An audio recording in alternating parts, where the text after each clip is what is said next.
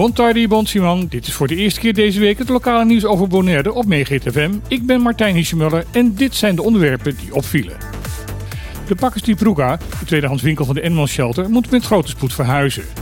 Na jarenlang gratis onderdak te hebben gekregen op de huidige locatie, heeft de eigenaar verteld dat het pand zeer binnenkort gesloopt gaat worden om plaats te maken voor een nieuwe bestemming. Daarom is de shelter dringend op zoek naar een nieuw onderkomen voor de markt. Pakstief Vroeger is niet alleen een belangrijke bron voor inkomsten van de Animal Shelter. Het is volgens de organisatie ook een belangrijke manier om de kosten van het levensonderhoud laag te houden voor mensen die het niet breed hebben. Daarom vraagt de Animal Shelter dringend of iedereen die een tip heeft voor een vervangende locatie dit aan hen te melden.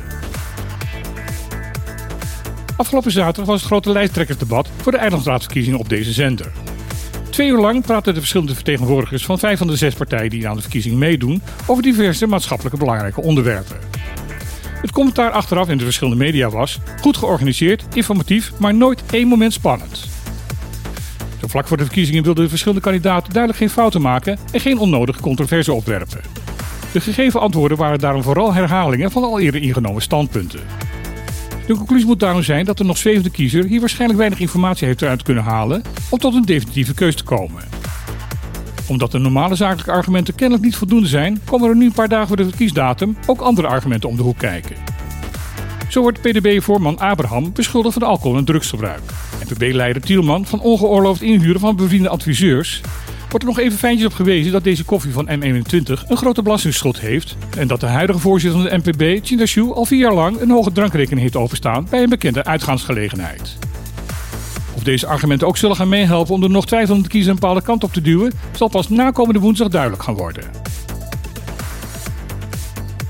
De grootste coronaproblematiek lijkt in de Cariben nu echt voorbij. Met spanning en de nodige waarschuwingen hebben de verschillende gezondheidsdiensten het carnaval dit jaar tegemoet gezien. Men kon niet uitsluiten dat dit volksverstijn weer een grote uitbraak van COVID zou gaan opleveren. Nu komt het verlossende woord van het RIVM. De week van festiviteiten heeft op geen van de Caribische eilanden geleid tot een zichtbare stijging van het aantal COVID-cases. Integendeel, het aantal gemelde besmettingen daalde de afgelopen maand sterk in vergelijking met de maand daarvoor. Dat geldt ook voor het aantal COVID-gerelateerde ziekenhuisopnames. Toch adviseert het RIVM om het huidige surveillance voor COVID wel in stand te houden. Anders dan in bijvoorbeeld Europees Nederland is er minder zicht op de Caribische eilanden op de circulatie van het virus onder de bevolking. Daarom zouden wanneer er minder gecontroleerd zou gaan worden, er toch opeens weer een onverwachte besmettingshaard kunnen opduiken. De Nederlandse minister van Volksgezondheid heeft daarom besloten om dit advies op te volgen en de bestaande surveillantiemaatregelen in Caribisch Nederland te continueren. De Staten van Curaçao bleven vandaag een historisch moment. Vanaf vandaag kunnen statenleden elkaar en bewindspersonen interrumperen. Dit betekent dat net zoals in bijvoorbeeld Europees Nederland een parlementslid een toespraak van een collega kan onderbreken voor een vraag of een opmerking. Ook net zoals dat in Nederland gebeurt, moet de voorzitter van het parlement daar toestemming voor geven.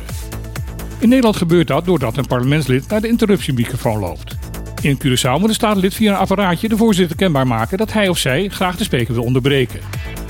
Elk statenlid heeft het recht om een spreker driemaal te onderbreken. Statenvoorzitter Charetti America Francisca zegt blij te zijn dat deze verandering, nadat er al jaren over gesproken is, nu eindelijk een feit is. Dit was weer de lokale nieuws op Megit FM. Iedereen nog een hele mooie dag gewenst en dan heel graag weer. Tot morgen.